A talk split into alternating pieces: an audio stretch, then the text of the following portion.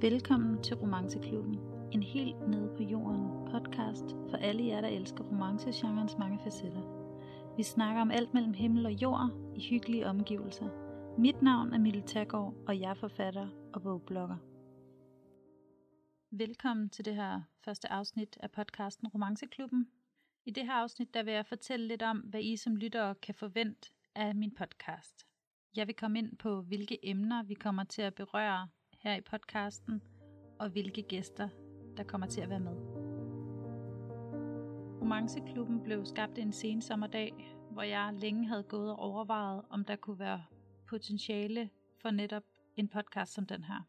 Der findes rigtig mange podcasts, der er forfatterpodcast, hvordan man skriver forskellige litteraturpodcasts, bøger osv. Men jeg synes i den grad, der mangler fokus på netop romancegenren.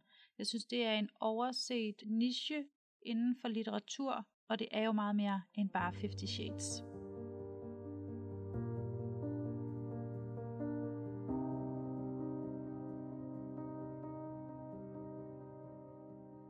Jeg kontakter noget af mit netværk, såsom bogbloggere og forfattere inden for selv samme genre, for at høre, om de også synes, det var en god idé. Svaret det var entydigt. Ja, der mangler meget mere fokus på netop romance.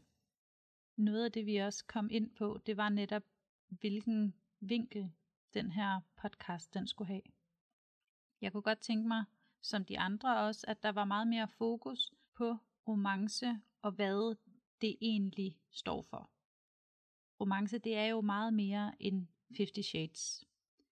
Romancen har forskellige små undergenre. Det kan være alt fra hed erotisk romance til den helt stille og rolige genre feel good. I den her podcast vil mine gæster blandt andet blive forfattere, læsere og bogbloggere. Jeg vil dykke lidt ned i, hvorfor deres kærlighed er lige så stor som min til netop romancegenren. Suge noget af deres viden til mig og dele det med jer, så vi alle sammen kan blive klogere på den her genre. Hvordan skaber man en romance?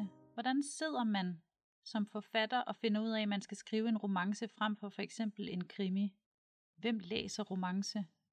Hvordan får man udgivet en romance? Er det svært? Hvordan er markedet for det?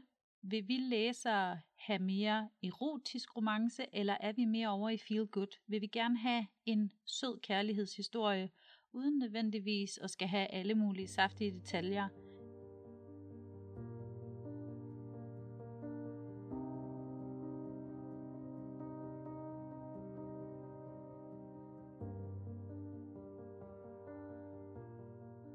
Min kærlighed til romancelitteraturen startede faktisk dengang, jeg købte min allerførste bog, som var en romance. Det var faktisk en young adult, uden jeg egentlig vidste det. Det var Hanne Vibeke Holst Louise-trilogien. Den består af tre selvstændige bøger, og da jeg startede med at læse den, var jeg solgt.